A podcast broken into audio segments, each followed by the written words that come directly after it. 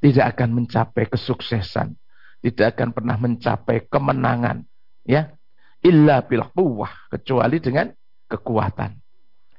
Wala quwwata illa bi ittihad. Dan kekuatan itu tidak pernah akan terwujud kecuali dengan al-ittihad. Al-ittihad itu adalah suatu bentuk persatuan, kekompakan, kebersamaan, ya. Wala ittihata illa bil faddail. Dan kebersamaan, kekompakan, ya, persaudaraan, ya. Ini tidak bisa terwujud kecuali dengan al-faddail, dengan sifat-sifat keutamaan, kebaikan-kebaikan.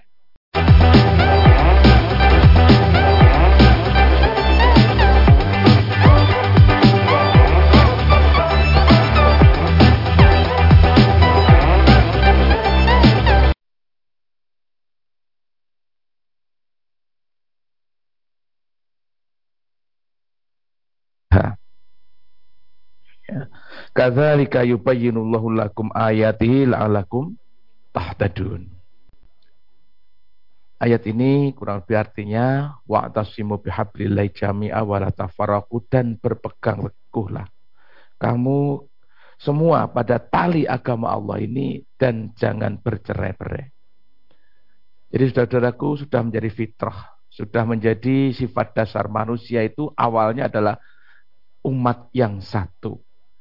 Oleh karena itu, oleh Allah kita selalu diperintahkan, dipertahankan untuk mempertahankan persatuan, kebersamaan, persaudaraan, ya. Jangan sampai merusak itu dengan cara bercerai-berai. Ya, bercerai-berai.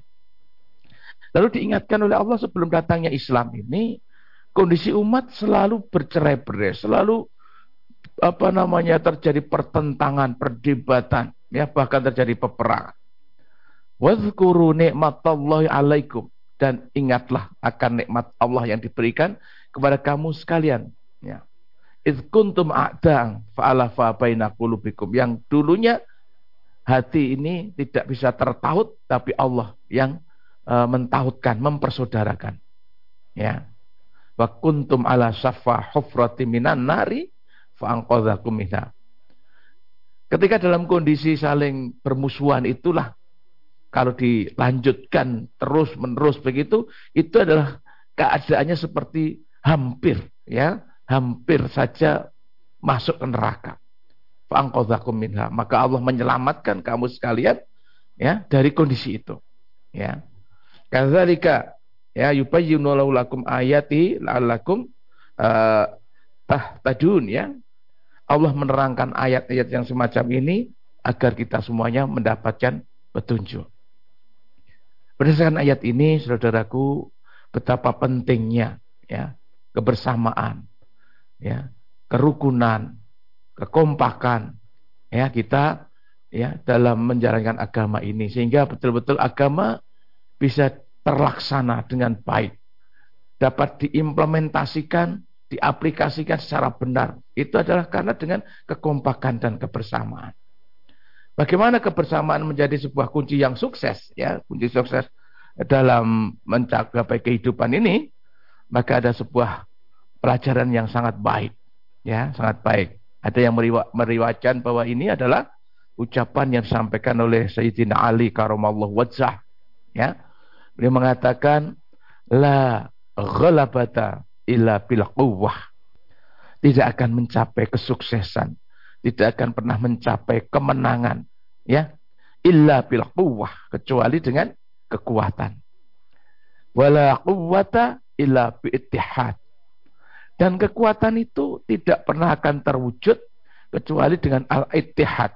Al-ittihad itu adalah suatu bentuk persatuan, kekompakan, kebersamaan, ya wala ittihata ila bil faddail dan kebersamaan, kekompakan, ya, persaudaraan, ya. Ini tidak bisa terwujud kecuali dengan al-faddail, dengan sifat-sifat keutamaan, kebaikan-kebaikan, ya. Maka sebuah kebersamaan apa pun akan pasti ya akan mencapai atau menuju kepada kerusakan manakala sudah tidak dibuhul dengan akhlakul karimah dengan al-fadhail dengan sifat-sifat keutamaan keutamaan. Wala fadhaila illa biddin. Nah, fadhail sifat-sifat keutamaan, sifat-sifat yang baik ini tidak akan terwujud kecuali hanya dengan agama. Ya, la dina ila mafaqul kitab was sunnah. Maka tidak dikatakan agama kecuali yang muafik, yang cocok, yang sesuai dengan kitab Allah dan sunnah-sunnah Rasulullah. Ya. Maka di sini uh, al-ittihad itu adalah juga sebagai apa nama support ya, pendukung untuk terwujudnya kesuksesan, ke, ya, keberhasilan, ya, kemenangan bahkan seperti itu. Oleh karena itu saudara-saudaraku yang dirahmati oleh Allah, kita ingat bahwa Islam ini adalah Islam agama yang satu, ya, yang satu. Ya. Oleh karena itu, mari betul-betul kita bangun kebersamaan umat ini. Jangan sampai uh, terjadi perselisihan-perselisihan justru yang menyebabkan menjadikan uh, manusia nanti yang selalu berselisih itu akan rapuh, akan hilang kekuatan. Ya, dalam surat Al-Anfal ya, surat yang ke-8 ya, ah, ya, ayat yang ke-46 ya kita baca Allah berfirman ya. A'udzu billahi minasyaitonir rajim ya. Wa ati'ullaha wa rasulahu wa la tanazza'u wa tafsalu wa tadhhabu rihukum wasfiru innallaha ma'as sabirin ya. Dan taatilah Allah dan Rasulnya. Dan janganlah kamu berselisih yang menyebabkan kamu menjadi gentar. Sehingga hilang kekuatan kamu. Dan bersabarlah Sesungguhnya Allah beserta orang-orang yang bersabar. Saudaraku yang dirahmati Allah. Sesungguhnya sudah sangat lengkap Allah memberikan guidance, memberikan bimbingan, petunjuk, arah dan hal-hal yang dapat ditempuh oleh manusia sehingga kebersamaan itu terwujud. Salah satu adalah jangan saling berselisih. Jangan saling berdebat yang tidak ada maknanya apa pun. Maka Rasulullah pun ya, Rasulullah pun memberikan apa namanya sebuah pengharapan yang sangat besar. Hindarilah segala bentuk perdebatan. Ya, orang-orang yang dapat menghindari perdebatan walaupun dia adalah dalam posisi yang benar gitu ya, maka nanti akan dibangunkan sebuah rumah di sorga. Ya, ini betapa pentingnya bahwa uh, berbagai hal itu tidak tidak perlu diselesaikan dengan bentuk-bentuk perdebatan. Ya, perdebatan. Kalau di antara manusia itu terjadi perbedaan pendapat, itu sudah menjadi sunatullah. Sudah menjadi sifat manusia itu adalah memang oleh Allah ya sesekali dijadikan berbeda pendapat. Nah, perbedaan pendapat ini jangan sampai memicu munculnya sesuatu yang apa namanya saling berselisih gitu ya. Nah, bagaimana perbedaan pendapat yang tidak memunculkan perselisihan? Ya, manakala tidak dicampuri dengan apa rasa ber, uh, dengki ya rasa dengki yang ada di dalam hatinya oke okay.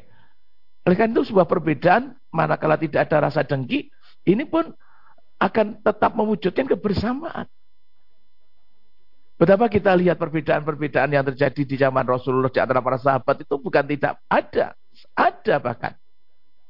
Ya, dua kisah yang mungkin kita bisa lihat, bisa kita ingat kembali saudara-saudaraku. Ya, yang pertama adalah bagaimana kita ketika Rasulullah bermusyawarah kepada sahabat-sahabat dekat beliau ya Abu Bakar ya kemudian Umar, Utsman, Ali itu ya. Ketika uh, hendak memberikan hukum ya penyelesaian kepada tawanan perang Badar ketika itu ya. Maka kita bermusyawarah Rasulullah meminta pendapatnya Abu Bakar maka Abu Bakar menyampaikan kepada Rasulullah, ya Rasulullah mereka masih keluarga kita. Artinya dari Makkah itu kan masih keluarga besar dari Makkah gitu.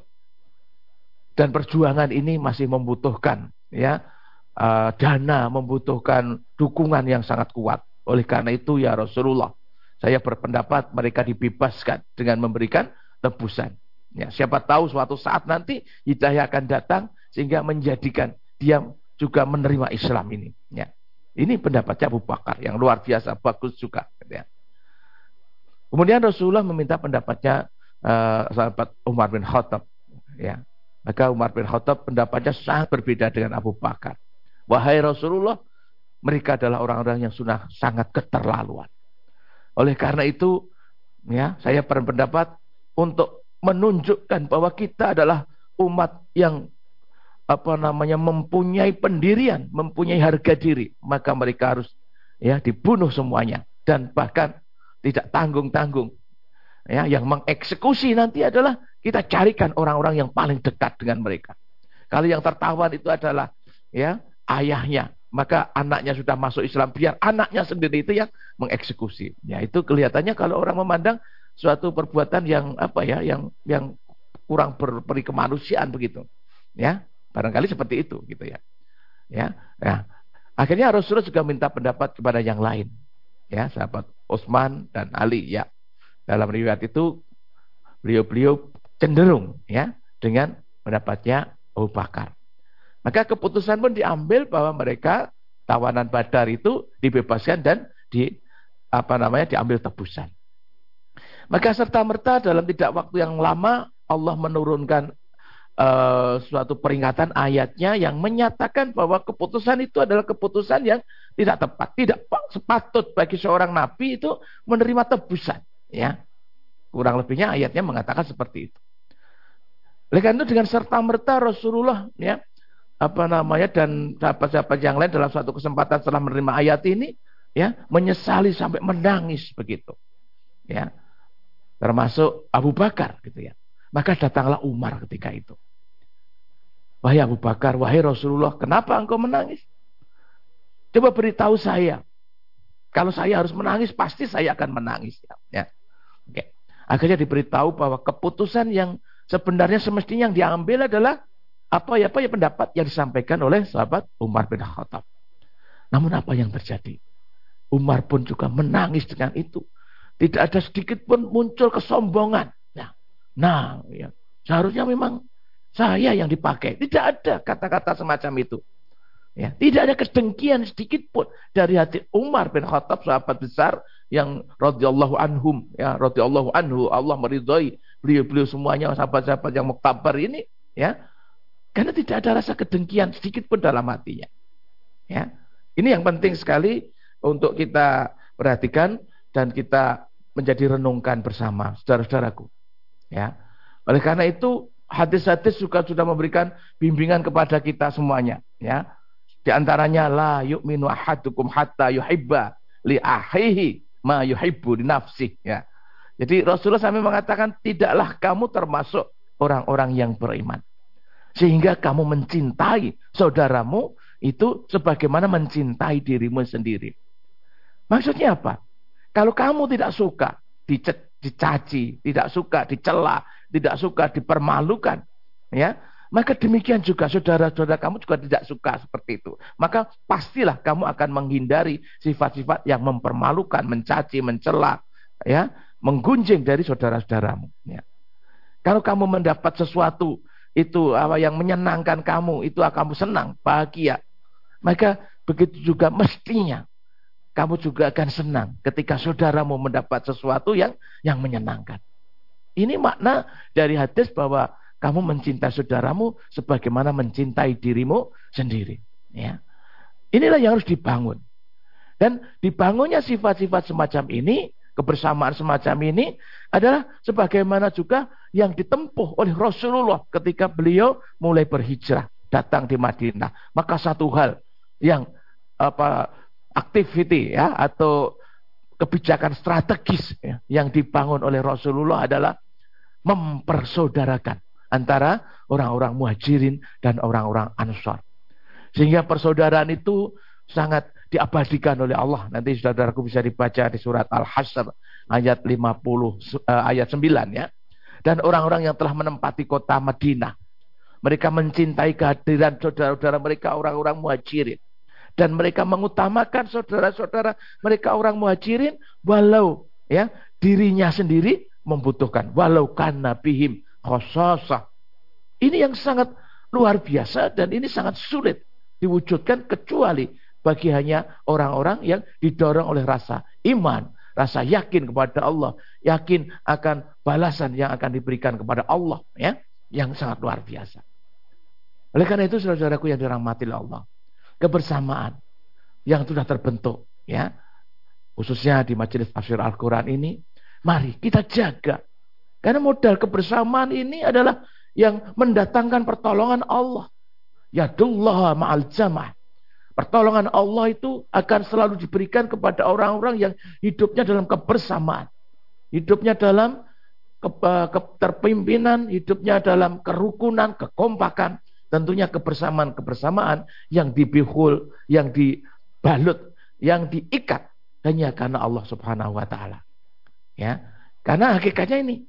Sebab orang-orang yang menyandarkan kebersamaan itu selain Allah, kata Allah gambarannya juga sangat jelas dan sudah kita sering bahas dalam berbagai forum ya adalah sebagaimana kekuatannya adalah sebagaimana hanya sarang laba-laba ya orang-orang yang mengambil pelindung-pelindung selain Allah yang menyandarkan segala sesuatunya itu bukan karena Allah maka laksana laba-laba yang membuat sarangnya ya. Betapa besarnya sarang laba-laba betapa apa namanya kelihatan kelihatan terbentang luas di antara pohon, tapi hanya mungkin karena apa ranting yang kecil saja begitu mudah terkoyak, mudah rusak. Itu adalah gambaran bentuk-bentuk kebersamaan yang juga ataupun persaudaraan yang tidak didasari semuanya karena karena Allah. Oleh karena itu salah satu uh, dalam sebuah hadis juga disebutkan uh, salah satu perbuatan manusia yang dicintai oleh Allah adalah mereka yang berjumpa maupun berpisah. Itu hanya karena Allah. Ya, perjumpaannya itu didasari karena perjumpaan yang diridhoi oleh Allah. Perjumpaan yang betul-betul ala huda Allah, di atas petunjuk Allah. Kalaupun harus berpisah, Allah menyatakan harus berpisah, maka itu pun perpisahan itu pun juga hanya didasarkan karena Allah. Ya. Oleh karena itu, saudaraku semuanya yang dirahmati Allah, marilah betul-betul nilai-nilai, pelajaran-pelajaran dari Al-Quran dan As-Sunnah ya, yang sudah diberikan teladan oleh Rasulullah SAW dengan para sahabat-sahabat beliau dalam menjalankan kehidupan ya sehingga Allah menyatakan kehidupan-kehidupan ya, masa Rasulullah itu adalah kehidupan-kehidupan yang betul-betul Allah telah meridhoinya ya. Dalam At-Taubah ayat 100 Allah firmankan auzubillahi minasyaitonirrajim. Ya. Wasabiqunal awwaluna minal muhajirina wal ansari walladzina tabauhum bi ihsan radhiyallahu anhum wa radu'an. Ya. Orang-orang yang pertama-tama masuk Islam dari golongan orang-orang muhajirin dan ansor. Ya. Dan orang-orang yang mengikuti pola hidup perjalanan hidup aktivitas hidup ya orientasi hidup sebagaimana orang-orang muhajirin dan ansor tadi, maka Allah memberikan apa penghargaan yang sangat tinggi, yaitu Allah ridho kepada mereka. Dan mereka pun ridho, puas dengan apa-apa yang sudah diberikan oleh Allah. Balasan-balasan kepada orang-orang yang mendapat keridhaan Allah. Saudaraku yang dirahmati oleh Allah. Tidak ada anugerah terindah, terbaik dalam hidup ini kecuali orang mendapatkan keridhaan Allah. Ya, ini adalah hal yang selalu kita upayakan, hal yang selalu kita cari, hal yang selalu kita inginkan dan kita usahakan dengan sungguh-sungguh agar hidup kita adalah hidup yang diridhoi oleh Allah Subhanahu wa taala. Oleh karena itu, mari betul-betul sebagaimana yang disampaikan oleh sahabat Ali tadi bahwa kesuksesan, kemenangan hanya bisa ditempuh ya, dengan al-ittihad, dengan persatuan kebersamaan. Tapi kita perlu tahu tidak akan pernah terwujud kebersamaan kalau masing-masing dari anggota dari elemen tersebut tidak menampakkan, tidak menjunjung tinggi al, al ya, sifat-sifat keutamaan. Dan sifat-sifat keutamaan ini hanya bisa terbentuk, terwujud manakala faham betul dengan adi agama. Artinya orientasinya hanya karena Allah semata dan bukan dikatakan agama kecuali yang muwafik, yang cocok, yang sesuai dengan Al-Quran dan As-Sunnah. Oleh karena itu marilah kita bersama-sama yang mengkaji Al-Quran dan As-Sunnah ini menjadi tembus ke dalam hati kita sehingga terwujud aktivitas kondisi yang saling menghargai, menghormati, saling kasih sayang di antara kita sehingga akan terbentuk kebersamaan yang kuat hingga apa pun yang uh, nanti dicita-citakan bersama dalam kebersamaan itu insya Allah Allah akan memberikan pertolongan bagi orang-orang yang hidupnya selalu dalam kebersamaan gitu. Demikian Mas Wahid yang dapat ya, kami Ustaz. sampaikan sebagai mukadimah pagi hari ini. Ya, baik. baik, terima kasih Ustadz untuk penjelasannya terkait dengan kebersamaan kunci kemenangan. Ini memang salah satu hal yang harus kita lakukan dan kebersamaan ini buahnya nanti akan menciptakan sesuatu yang baik juga Ustadz ya. Sudah terbukti uh, dulu di masa Rasulullah kemenangan diperoleh dengan salah satunya kebersamaan. Dan semoga kita di saat ini bisa menjaga kebersamaan ini dan terciptanya lingkungan yang lebih baik. Baik, di kesempatan berikutnya nanti di sesi kedua kita akan berikan waktunya untuk para pemirsa yang akan bertanya. Bisa secara langsung dengan menghubungi kami di nomor telepon 02716793000 atau di line SMS dan WA di 08112553000. Jadi pastikan para pemirsa tetap bersama kami dalam program Fajar Hidayah. Baik, saudaraku pemirsa MTA TV di mana pun Anda berada, Terima kasih Anda masih bersama kami dalam program Fajar Hidayah.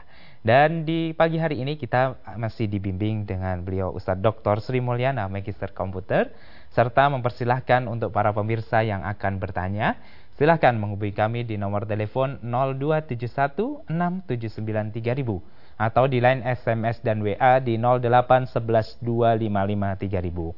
Baik Ustadz, kita lanjutkan kebersamaan kita di pagi hari ini dan kita berikan kesempatan pertama untuk para pemirsa yang akan bertanya di line telepon. Langsung saja kita terima. Halo, Assalamualaikum.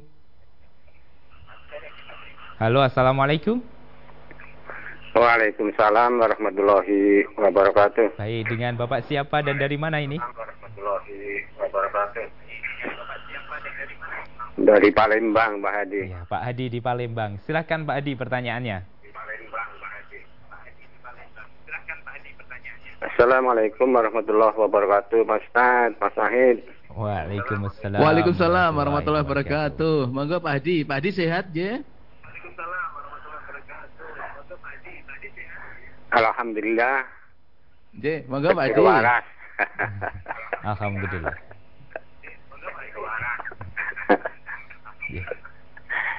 Dari Jawa ini Purbalingga bertemu di Palembang.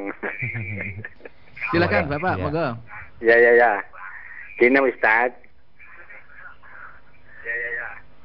Tolong jelaskan bagaimana caranya untuk membuktikan bahwa kita ini orang yang bersandar kepada Allah sebagaimana difirmankan dalam surat Al-Ikhlas ayat 2. Mohon penjelasannya Pak Ustaz. Terima kasih. Wassalamualaikum warahmatullahi wabarakatuh. Waalaikumsalam warahmatullahi wabarakatuh. Yeah. Yeah. Jadi jelaskan bagaimana membuktikan kita itu bersandar kepada Allah gitu ya. Iya Ustaz. Jadi betul betul gitu Mas Wahid ya? Iya, laras Ustaz. Iya. Jadi Pak Adi memang seharusnya kita itu sebagaimana surat Al-Ikhlas itu ya qul huwallahu ahad, Allah somad ya. Kita bersandarnya kepada Allah ya.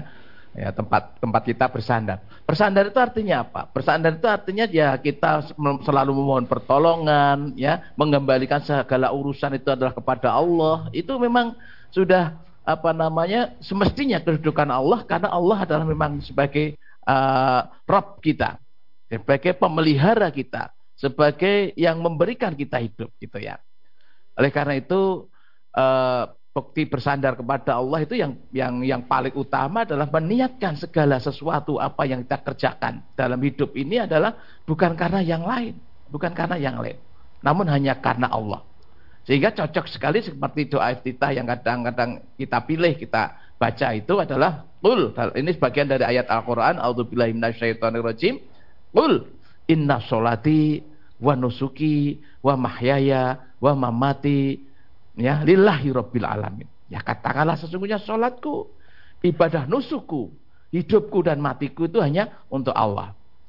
Oleh karena itu eh, cara eh, cara membuktikannya adalah ya kita sendiri yang merasakan. Maka dalam salah satu ayat Al-Qur'an pun dikatakan Pak Adi ya, Di antara ciri-ciri orang yang beriman itu adalah wala yakhafuna laumatalaib.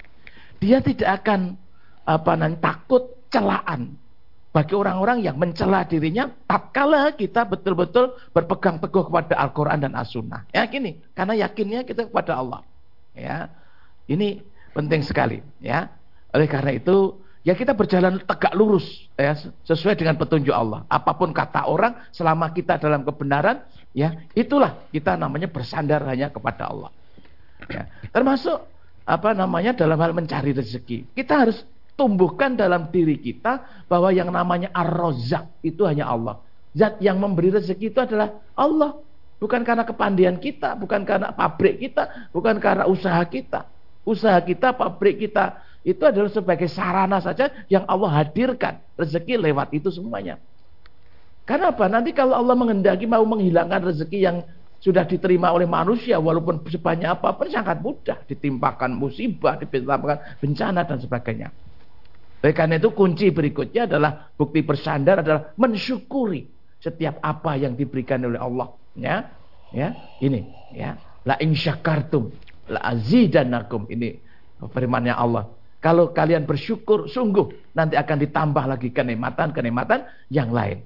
Tapi wala in kafartum kalau kamu tidak mensyukuri, mengkufuri bahkan inna azabi lasyadid. Sungguh azab Allah sangat sangat keras, sangat pedih. Tidak hanya dikurangkan nikmatnya tapi akan mendapatkan azab kepada Allah.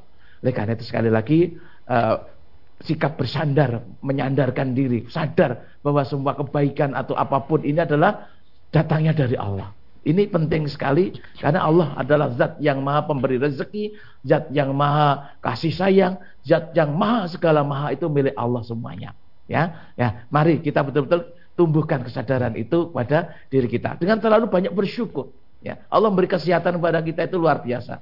Betapa, kalau kita datang ke rumah sakit, orang-orang yang dirawat di sana sampai sekian lama, sakit sekian banyak, harta yang dikeluarkan itu adalah Bukti kata Allah Maha Kuasa sedang kita diberi kesehatan semacam ini, sungguh ini adalah karunia Allah. Maka kita sandarkan, kita gunakan apa pun kesehatan, harta, apa pun kesempatan yang diberikan oleh Allah ini mari hanya digunakan untuk satu tujuan sebagaimana Allah firmankan ya dalam surat Az-Zariyat itu yang dikatakan wa ma khalaqatul jinna wal ins illa liya'budun dan tidaklah aku Allah menciptakan jin dan manusia kecuali hanya untuk menghambakan diri kepadaku, menghambakan diri kepada Allah. Ini uh, mudah-mudahan sedikit memberikan gambaran bagaimana kita menyandarkan diri kepada Allah Subhanahu wa taala. Maka ya. Pak Adi, Pak Rimbang, mudah-mudahan uh, bisa difahami bersama. Matur eh, demikian untuk Pak Hadi di Palembang, semoga bisa dipahami penjelasan dari Ustadz. Kita lanjutkan menerima penelpon berikutnya. Halo, Assalamualaikum. Halo, Assalamualaikum. Sepertinya terputus ini Ustaz. Nanti terputus, para ya. pemirsa bisa coba kembali dengan menghubungi kami di 0271 679 Kita beralih ke pesan WhatsApp dan sudah ada pertanyaan yang masuk dari Ibu Hartati di Kebumen Ustaz. Terkait dengan fenomena planet sejajar, apakah ada penghuninya dari planet-planet tersebut Ustadz? Dan makhluk alien itu nyata atau cuma dalam film saja Ustadz? Mohon penjelasannya di surat Asyura ayat 29. Iya, berarti Asyura ayat 29. Kita yeah. baca nggih. Yeah. A'udzubillahi minasyaitonirrajim. Wa min ayatihi uh, khalqus samawati wal ardi wa ma bassa fihi ma min tabbah wa huwa ala jam'ihim idza yasha'u qadir. Ya. Dan di antara tanda-tanda kebesaran Allah, kebesarannya adalah penciptaan langit dan bumi. Dan makhluk-makhluk yang melata. Yang dia sebarkan pada keduanya. Ya, keduanya maksudnya langit dan bumi. Dan dia maha kuasa mengumpulkan semuanya apabila dia kehendaki. Jadi mensikapi ayat-ayat yang semacam ini, Ibu Hatati, yang pertama kita kedepankan bahwa ayat itu adalah benar dari Allah. Karena ada dalam Al-Quran. Dalam Al-Quran itu la roy bafi yang ter pertama harus kita pahamkan bahwa dari ayat itu uh, menggambarkan betapa Allah Maha Kuasanya. Penciptaan langit dan bumi itu hanya Allah sendiri yang menciptakannya. Ya. Padahal di bumi ini sendiri yang luasnya sudah luar biasa, bumi ini adalah hanya sebagian kecil dari galaksi Bima Sakti. Sedangkan di bumi ini ada uh, banyak beribu-ribu uh, galaksi-galaksi seperti galaksi Bima Sakti seperti itu. Jadi jagat raya ini sudah sangat luar biasa, manusia itu sangat kecil ya. Ketika dihadapkan dengan kekuasaan Allah, maka tidak ada kata lain kecuali bagi manusia itu adalah tadi seperti sampaikan Pak Hadi tadi hanya bersandar, ya. Menyandarkan hidupnya kepada Allah. Karena yang memegang kehidupan manusia itu adalah Allah sendiri. Maka mudah-mudahan kita dibimbing selalu dalam kebaikan ya. Lalu menciptakan bilang uh, binatang yang melata yang disebarkan di keduanya. Ya kalau bilang binatang yang melata yang ada di bumi kita dapat menyaksikan ya. Ada ular ada kadal ada komodo ada berbagai itu adalah di bumi. Nah tentang binatang melata yang di luar bumi sini wallahu alam ya. Ya Allah alam ya. Kalau berdasarkan ayat ini ya, ya eh, Allah yang maha tahu gitu ya. Yang jelas ayatnya mengatakan seperti ini. Nah, kalau alien yang dikenal manusia itu ada ya itu kita mengenalnya kan dari film-film saja begitu ya. Ya, belum ada uh, bukti empiris nyata betul-betul datangnya makhluk langit ya. Yang disebut alien itu datang ke bumi lalu memberikan kehidupan itu. Tapi sekali lagi kewajiban kita adalah mengimani ayat-ayat Allah ya. Ya mengimani ayat-ayat Allah. Dan rukun iman itu adalah yang hanya enam itu ya. Ini yang percaya kepada Allah kepada malaikat kepada Rasul kepada kitab gitu ya kepada takdir ya, ya dan kepada hari akhir ini ya ini, itu saja ya sudah cukup insya Allah begitu ya oleh karena itu jangan sampai kita disibukkan dengan pada hal-hal yang yang kurang kurang apa ya kurang bisa mendukung apa namanya keaktifan ibadah kita kepada Allah yang penting kita tanamkan dalam hati kita Allah Maha Kuasa. Penciptaan langit dan bumi itu adalah salah satu tanda kekuasaan Allah. Allah menurunkan air dari langit, lalu menumbuhkan tanam-tanaman, memberi rezeki kepada kita bersama. Itu adalah yang kita dapat saksikan dalam kehidupan sehari-hari. Ya, Allah memberikan kita bisa bernafas. Ya, kita mengeluarkan CO2. Kita membutuhkan O2. Sedangkan oksigen O2 itu diproduksi oleh tumbuh-tumbuhan tanam-tanaman yang ada di sekitar kita melalui fotosintesisnya, gitu ya. Sedangkan fotosintesis itu membutuhkan CO2 yang dikeluarkan oleh makhluk-makhluk ya selain tumbuhan ya termasuk hewan termasuk kita bersama. Ini adalah keseimbangan yang luar biasa Allah ciptakan. Maka satu saja tugas kita tadi adalah menghambakan diri kepada Allah dengan semakin banyak membaguskan ibadah kita kepada Allah ya dengan selalu mentaati apa-apa yang diperintahkan oleh Allah yang lebih penting lagi memahami apa itu yang diperintahkan Allah dengan pintunya adalah mengkaji, mengkaji, belajar mendalami, meningkatkan pengetahuan dan pemahaman kita di bidang agama ini. Ya, kurang lebih itu Bu Hartati ya. Mudah-mudahan bisa dimengerti dan dipahami. Ya, Demikian untuk Ibu Hartati di Kebumen. Kita beralih ke pertanyaan dari Pak Suryadi, Ustadz dari Nganjuk. Ketika menjalankan sholat sunnah, bacaannya apakah juga memakai doa iftitah dan membaca surat Al-Fatihah? Apa cukup dengan membaca surat Al-Fatihah saja Ustaz? Mohon tausiahnya. J, Pak Suryadi di Nganjuk ya. ya. Jadi mari kita berprinsip sebagaimana yang disabdakan oleh Rasulullah ya, sallu kama muni usolli. Jadi solatlah sebagaimana kamu melihat aku Rasulullah solat. Lah melihat Rasulullah solat ini bukan melihat dalam makna kita menyaksikan dengan mata kepala kita sendiri itu bukan melihat Rasulullah sholat itu tentunya kita bisa mempelajari bagaimana tata cara sholat yang dilakukan oleh Rasulullah melalui riwayat-riwayat hadis-hadis yang diriwayatkan oleh ahli hadis dari sahabat-sahabat yang muktabar yang mengelilingi beliau dalam kehidupan sehari-harinya gitu ya. Nah, sholat Rasulullah itu adalah tidak membagi-bagi ya saja ya karena sholat Rasulullah itu ya rangkaiannya adalah uh, setelah ambil wudhu ya menghadap kiblat dengan pakaian yang pantas begitu lalu bertakbir mengawali dengan takbir ya Allahu Akbar. Lalu membaca doa iftitah ya. Doa iftitah ada banyak sekali macamnya. Ada yang Allahumma ba'id baini wa baina Allahu Akbar kabiron. Ada lagi yang banyak yang lagi gitu ya. Sekitar di tuntunan sholat kita itu ada dikatakan bahkan ada 13 macam ya bacaan doa iftitah. Ya itu tidak masalah. Tapi selalu dibaca doa iftitah. Kemudian setelah doa iftitah ya al-fatihah. Setelah al-fatihah ya surat ya. Surat yang mudah atau ayat yang mudah gitu. Oleh karena itu eh, akan akan lebih baik ya sholat ya sebagaimana itu yang dikerjakan oleh Rasulullah dengan lengkap apa-apa yang di, perlu dibaca. Jadi tidak perlu membagi-bagi oh ini yang wajib cuma Fatihah sehingga Fatihahnya saja.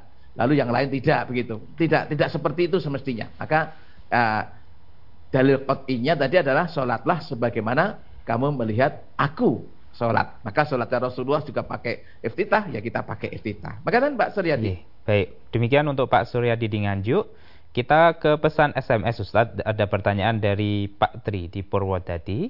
Pertanyaannya, bolehkah nikah beda agama Ustadz? Dan sekarang kan sulit untuk menyatukan orang-orang yang beda pendapat. Bak lawan, mohon solusinya Ustadz. Ya, yeah.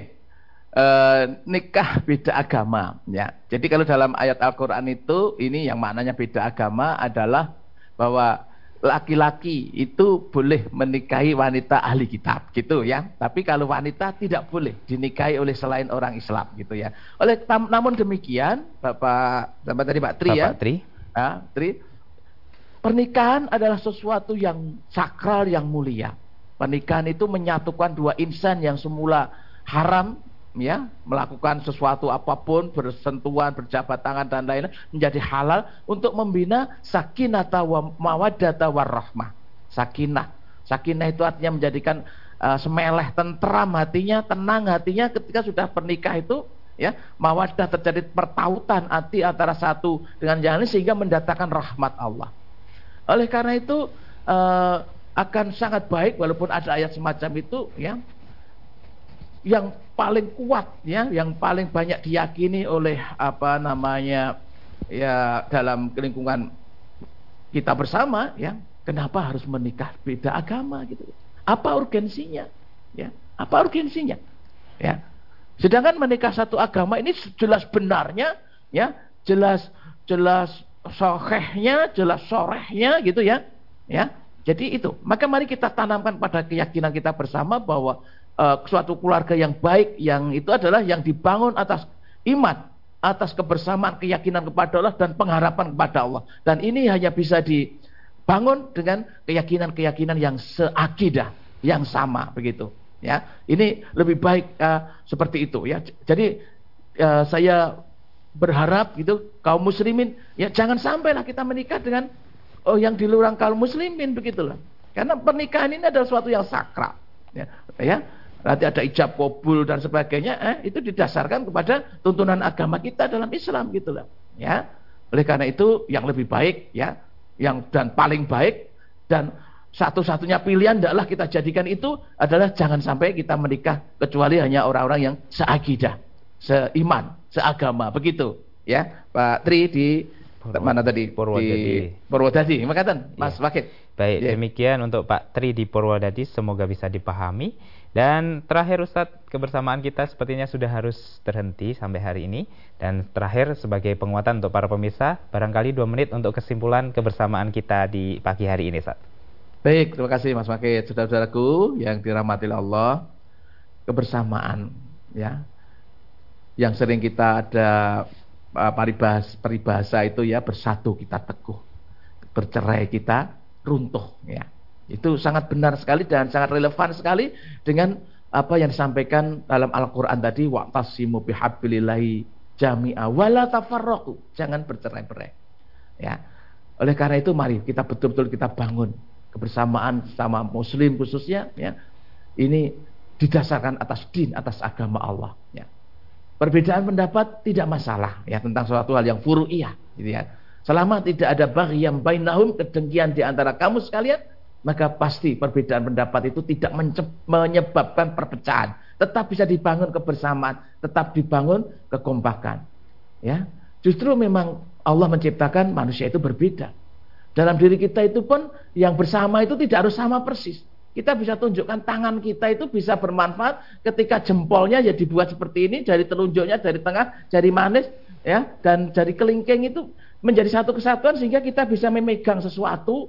Ini karena seperti itu. Coba kalau kita bikin sama dalam arti lalu jari-jarinya itu kotak begitu karena harus sama tinggi ya. Mana suatu hal yang tidak tidak baik sekali gitu ya. Maka perbedaan-perbedaan itu bukan menyebabkan perpecahan perbedaan itu sudah suatu kelaziman bagi manusia selama tidak dicampuri dengan kedengkian.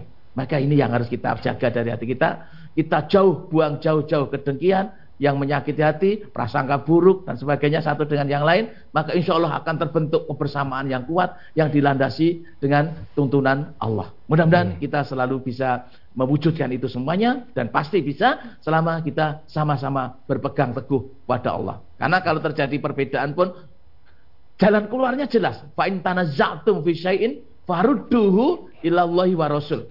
In kuntum tu'minuna billahi wa bil yaumil akhir. Ketika terjadi perbedaan pendapat pun ya, tempat marojiknya kembalinya jelas kembalikan pada Allah dan Rasulnya. In kuntum jika kamu sekalian adalah termasuk orang-orang yang beriman ya kepada Allah dan hari akhir ya. Mudah-mudahan bermanfaat untuk diri saya khususnya dan kepada para pemirsa dan pendengar semuanya. Kalau ada kurang yang berkenan mohon dimaafkan. Akhirnya bila taufik wal hidayah. Assalamualaikum warahmatullahi wabarakatuh. Waalaikumsalam warahmatullahi wabarakatuh. Baik, terima kasih Ustadz untuk kebersamaan kita pagi hari ini. Tausiah nasihatnya sangat luar biasa. Semoga bisa dipahami untuk kita semua. Dan pemirsa, demikian tadi kita telah ikuti dan simak bersama program Fajar Hidayah untuk edisi kali ini. Kami mengucapkan terima kasih untuk perhatian Anda dan Terima kasih pula untuk partisipasi, serta mohon maaf apabila ada pertanyaan yang belum sempat kami bacakan. Serta jangan lupa untuk selalu menjaga kondisi tubuh kita untuk tetap sehat, tetap prima, sehingga kita bisa menjalankan ibadah kita secara optimal. Akhirnya, saya Wahid Arifuddin pamit undur diri. Alhamdulillahirabbil alamin. Subhanakallahumma wa bihamdika asyhadu alla ilaha illa anta astaghfiruka wa atubu ilaik. Akhirul kalam. Wassalamualaikum warahmatullahi wabarakatuh.